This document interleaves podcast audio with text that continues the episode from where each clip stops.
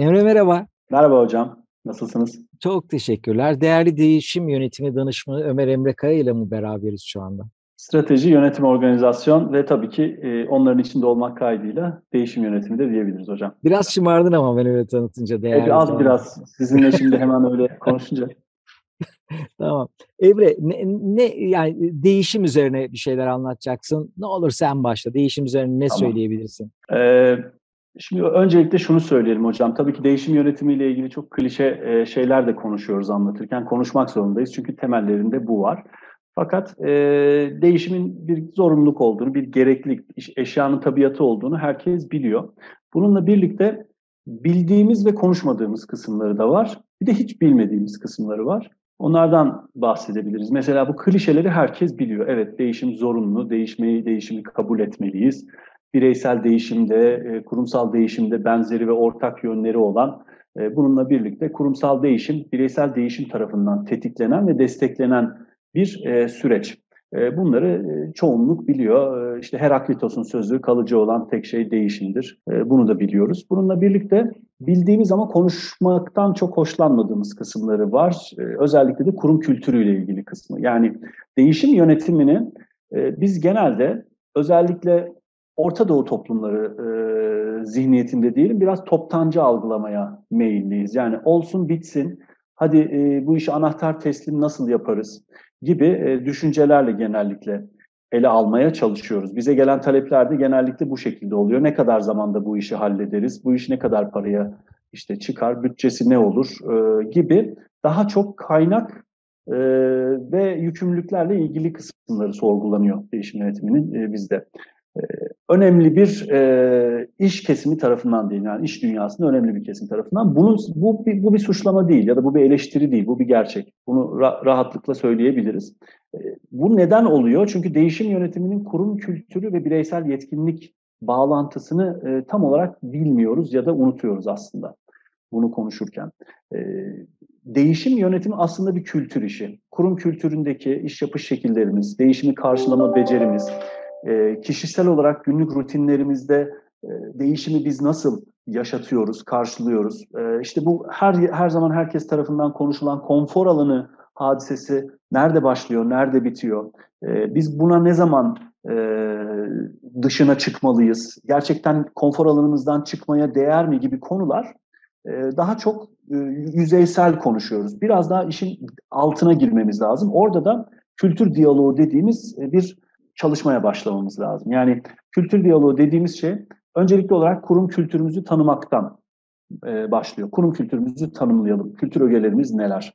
E, biz birbirimize e, nasıl davranıyoruz ve davranış kodlarımız kurum kültürümüz içerisinde var mı? Çalışma kodlarımız kurum kültürümüz içerisinde var mı? Birbirimizi karşılamayla ilgili, e, düştüğümüz zaman kaldırma, sevinçli olduğumuz zaman paylaşma ile ilgili kodlarımız var mı? Bütün bunları operasyonel işlerimizle bağdaştırabilecek bir e, köprüyü kültüre doğru kurabiliyor muyuz? Esas bu kısmını işin irdelememiz gerekiyor. Çünkü değişim yönetiminin başarıldığı yer burası. Bir de tabii ki işin e, hani bilinmeyen kısımları da var. Bilinmeyen kısımları da daha çok değişim yönetiminin yöntemiyle ilgili olan kısım. Biz altı aşamalı bir süreçten e, geçiriyoruz kurumlarımızı değişim yönetiminde. E, bu bazı durumlarda stratejik planlamayla başlayarak e, kurumun yeniden yapılandırılmasına, ardından süreçlerinin yapılandırılmasına e, kadar giden, bütün bunlar yapılırken e, kurumsal yetkinliklerin ve bireysel yetkinliklerin eğitimler, diğer danışmanlık etkinlikleri ve koçluk faaliyetleriyle desteklendiği aslında büyük, devasa, en azından bir yıl süren, iki yıl, bazı durumlarda üç yıla kadar uzaması gereken projeler haline gelebiliyor. Burada altı adımlı bir yöntem var. Bu yöntem biraz daha bilinmeyenler arasında diyebiliriz. Yani e, çoğunlukla değişim yönetimi uzmanı olmayan kişiler tarafından parça parça algılanıp o parçaların e, kotarılması e, şeklinde gerçekleştiriliyor. E, bu kısım için de son olarak şunu söyleyeyim. Bu başarılı olmaz demek değil. Fakat bütünsel bir başarı için bir yöntemi, bir metodu tabii ki uzmanların eşliğinde takip etmek en sağlıklısı. Aksi takdirde bir şeyler başarıyoruz ama belli bölgelerde bölgesel başarılar elde ediyoruz. Bu da tabii ki kurum çapına veya kurumun uzun dönemli sürdürülebilirlik ve vizyonuna doğrudan e, katkı sağlayabilir nitelikte olmuyor. E, Emre şimdi Türk Türkiye'deki iş hayatına ben bakma yıllardır iş hayatının içindeyim. Herkes böyle pratiğin içerisinde. Millet çatır çatır çek ödedim mi kar mı bilmem ne. Senin anlattıklarında bu işin teorisi. Bu tarafta böyle işin hep pratiğinde adamlar var. Bu tarafta da teori. Bunların bir araya getirebilmek mucize aslında bir başarı. Orada bir soruyu sormadan küçük bir yorum yapayım. Aydın Bey var benim iyi dostlarımdan bir tanesi. O böyle mühendislik şirketi var bir gün işte bir yemek yerken ya hocam dedi bizim şirketi kalıcı hale getirmek istiyoruz. Sistem kurmak istiyoruz. Sizinkilerle çalışacağız. Görüştük ettik dedi. Ben devamında hiç bir araya getirimsi bir daha hiç görüşmedim. Geçen gün beni aradı. Hocam dedi biz başladık. Yani benim haberim olmaz biliyorsun bu tür işlerden. Ve dedi biz çok memnunuz dedi. E, ben, bu benim şöyle çok hoşuma gitti. Zaten başlarken iyi gidebileceğini biliyorum. Çünkü mühendis işin başındaki adam. Mühendis olunca o teoriyi hayata geçirmenin süreç alabileceğini ve orada onlara topun düştüğünü ve teknik bakma boyutunu görebiliyor. Ama öteki tarafta sen Anadolu'daki bir tane yıllardır işte işi getirmiş bir yere patronla çalıştığında adam devamlı hadi ne oluyor hadi yapmıyor muyuz kar ne zaman artacak gelebiliyor.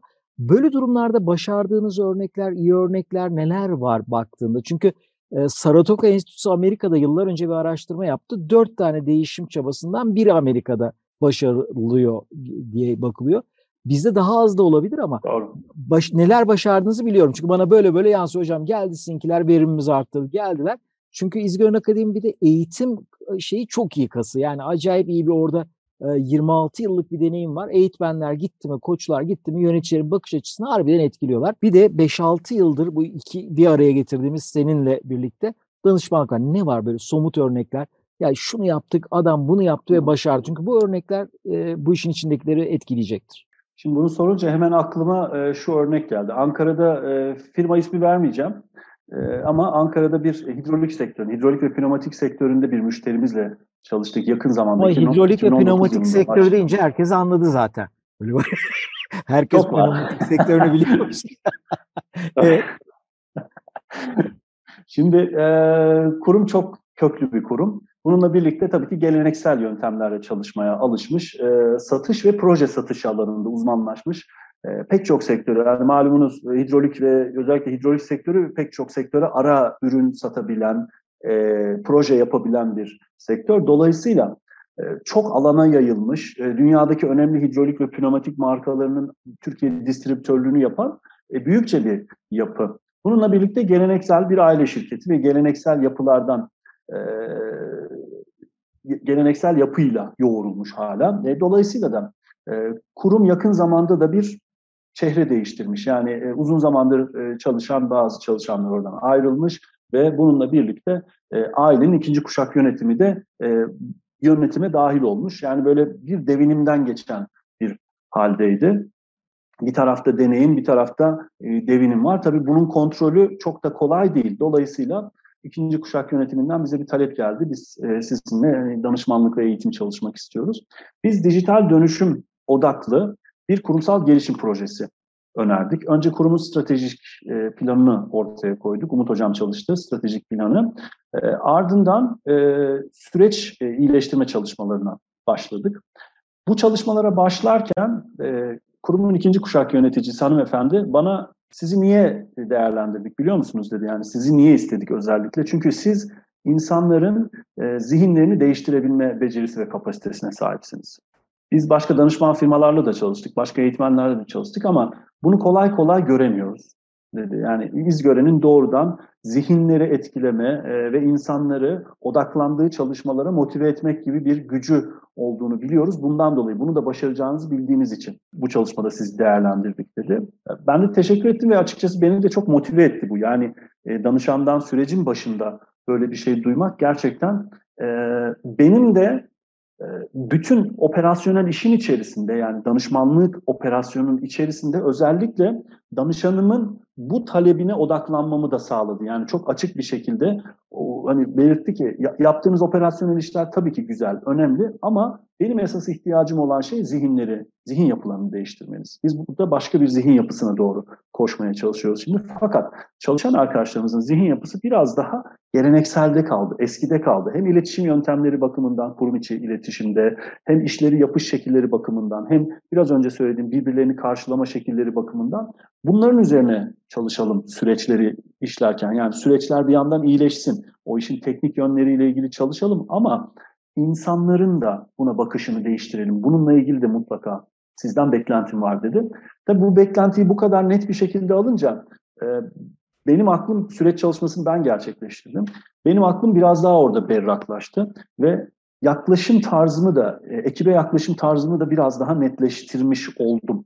E, toplamda işletmenin 8 ila 10 biriminin 120'den fazla sürecinde çalıştık.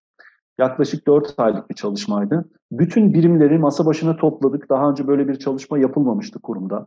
Bütün birimleri bazılarını keyifle, bazılarını zorla da olsa masa başına topladık. Ama o zorla gelenler işte tekrar aynı çalışmaları mı yapacağız? Ya bunları daha önce yapmıştık gibi böyle e, serzenişlerde de bulundular toplantılarda. Ancak çalışmanın ne olduğunu, neyi hedeflediğini ve onlardan ne beklediğimizi ne beklemediğimizi çok net başta aktardık nereye ulaşacağımızı aktardık. Olası sonuçları gösterdik.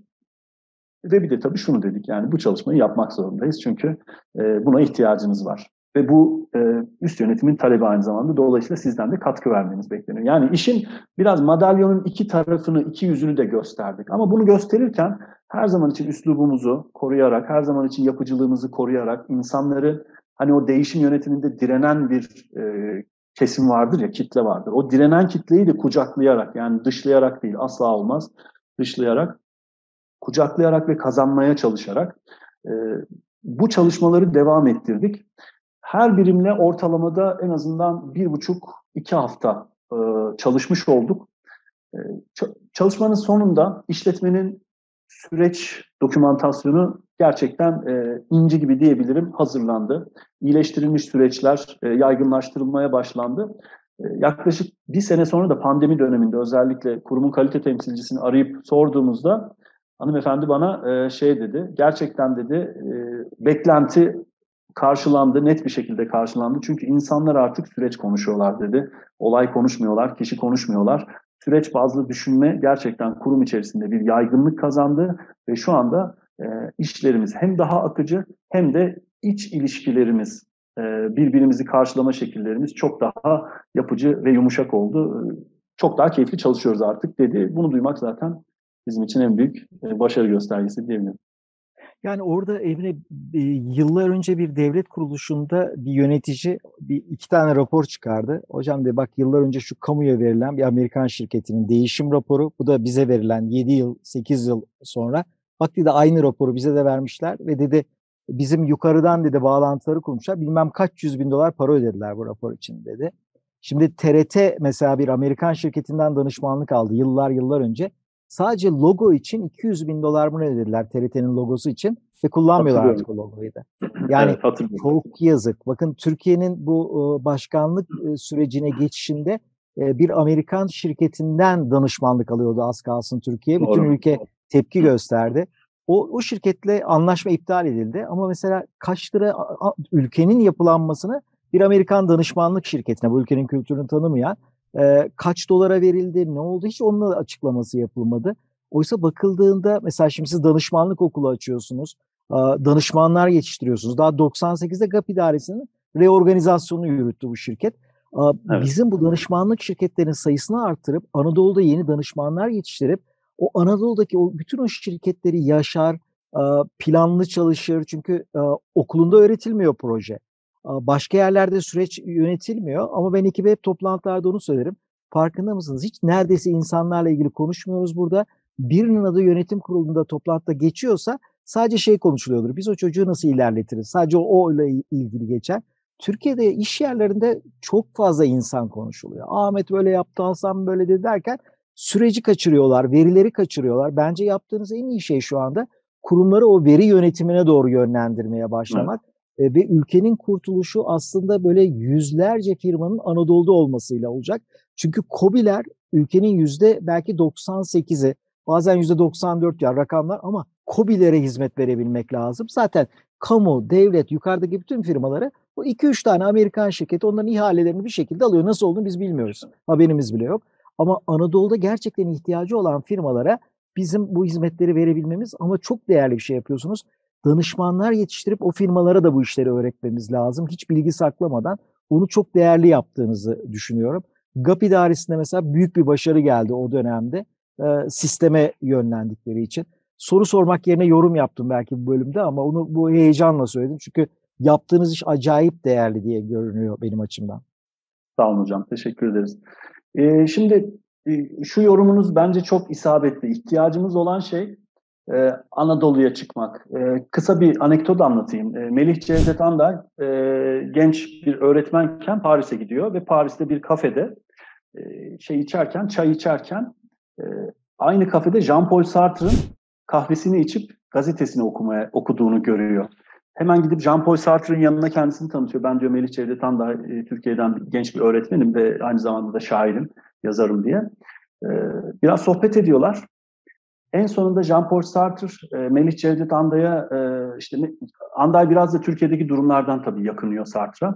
En sonunda Sartre Anday'a diyor ki dostum diyor göreviniz diyor sizin Anadolu'nun en ücra köşesindeki okulda öğretmenlik yapmaktır. Burada e, Paris'te e, köşelerde çay içmek, kafe köşelerinde çay içmek değildir diyor. Ve bunu Jean-Paul Sartre'dan duymak tabii ki çok önemli.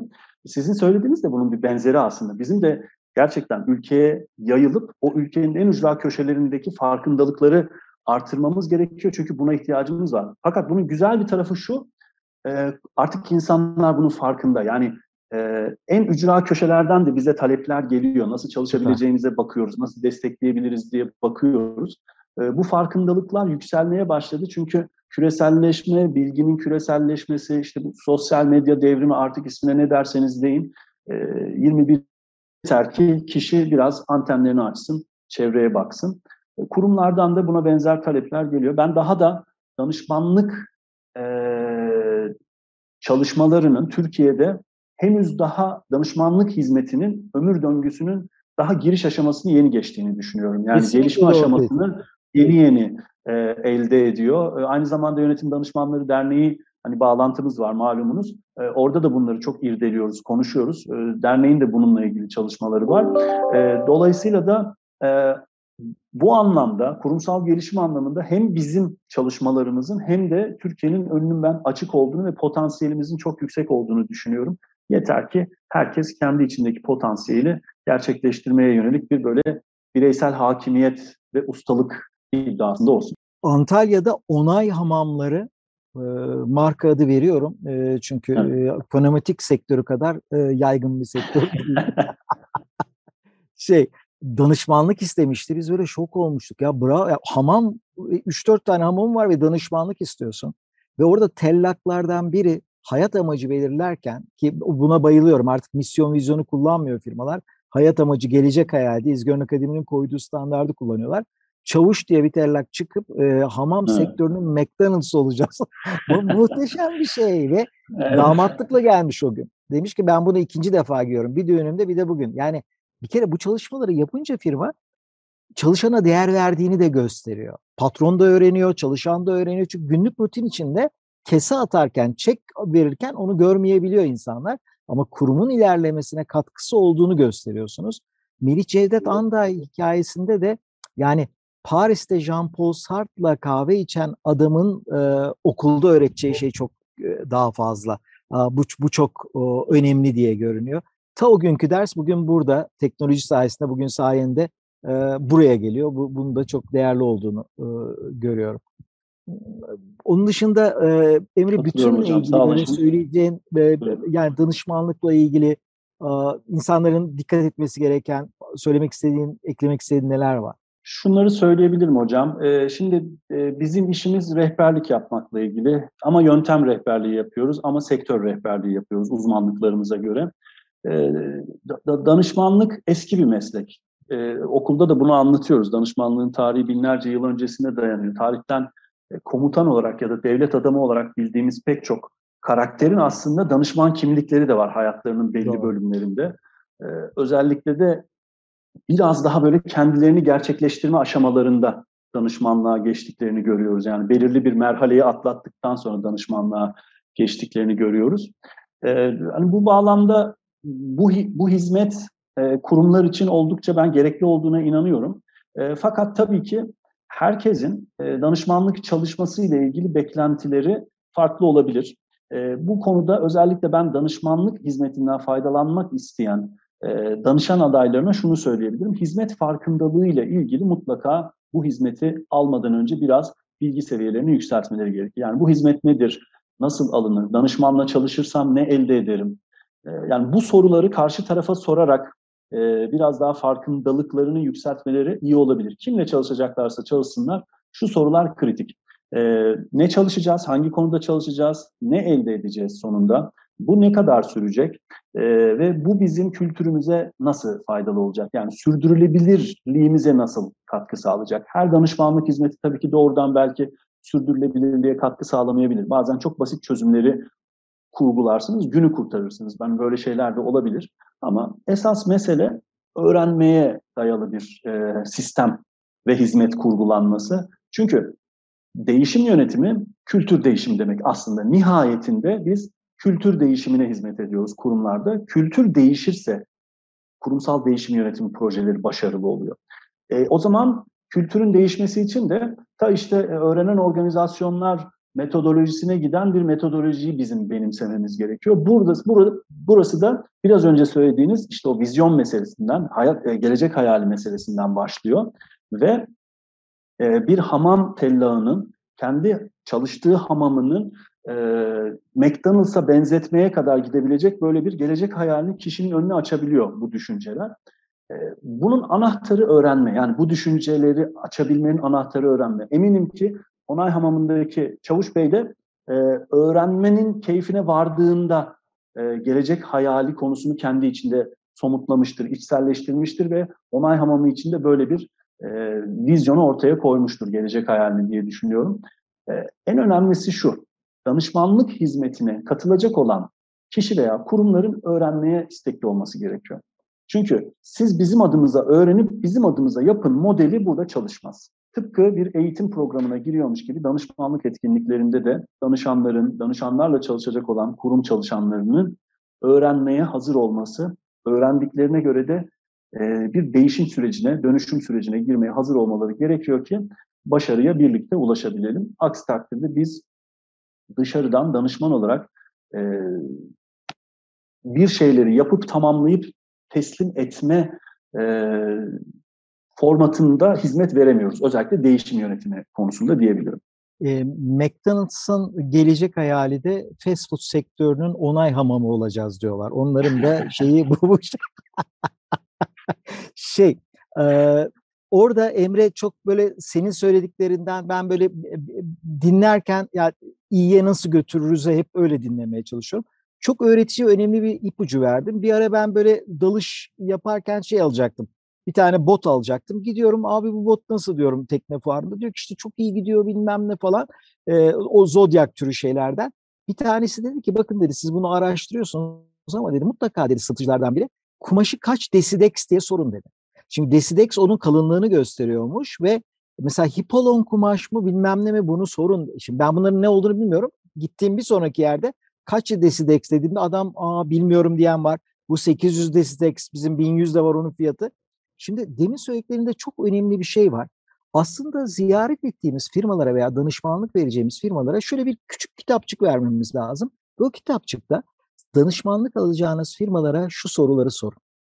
Şimdi nelere sorulması gereken en iyi biziz farkında mısın? Ama karşıdaki hiç bilmiyor. Hocam ne hizmet vereceksiniz diyor. Yarın iyi konuşan biri gelip ya onu hallederiz biz yaparız falan deyip oysa kaç danışmanınız var, kaç tane firmaya hizmet verdiniz, bununla bununla. Yani aslında böyle bir 20 soruluk falan çok basit bir broşür hazırlanırsa ki bizim eğitim birimi de eğitim için hazırlayabilir. Yani eğitim alacağınız firmaya şu 16 soruyu mutlaka sorun. Bizim cevaplarımız da arkada olmalı aslında. Gelmeden adam incelemeli ve başka bir firmadan hizmet alacağında gerçekten belki bizden çok daha iyisini bulacak o soruların cevabında.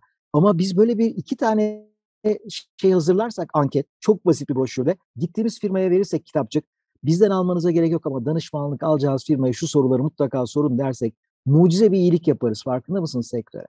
Yani müthiş bir şey yaparsın. Notumu, notumu aldım ben. Ee, onu hazırlamakla ilgili gerekli girişim başlatacağım. Içeride. Müthiş. Eğitim birimde eğitim için hazırlar bunu. Çünkü bu kadar eğitmen full time şey çalışıyor ve farkı yaratacak bu. İyi firmaların da farkını yaratacak. Onlara da iyilik yapmış oluruz. Ee, şimdi onları bir koşu hazırla Emre'cim. Burada falan var. Akşama Evet çok, çok değerli bilgiler verdin. Ee, şey e, seni dinlemeyi her zaman çok seviyorum. O, onu da Sağ olun hocam. Eksik olmayın. Teşekkür. Bir mukabele. Çiftlikten bağlandım. Ee, arkada salçalar öğütülüyor. Geldiğimde birçok köylü burada arkada çalışıyordu. Genç kızlar özellikle ve burada bir şey başlattık. Ee, kadınlar ve erkekler Anadolu'nun her yerinde farklı ücret ödenir günlük yövmiye. Biz eşit yövmiye ödüyoruz. İlk defa Türkiye'de bir yerde kadın ve erkeğe eşit yövmiye ödeniyor. Şu gördüğünüz binanın yanına bilim merkezi yapılıyor. Ee, 12 ay çocuklar eğitim alabilsin diye. Oysa sadece ağaçtan badem topla, bastır, salçayı çıkar falan filan olabilir.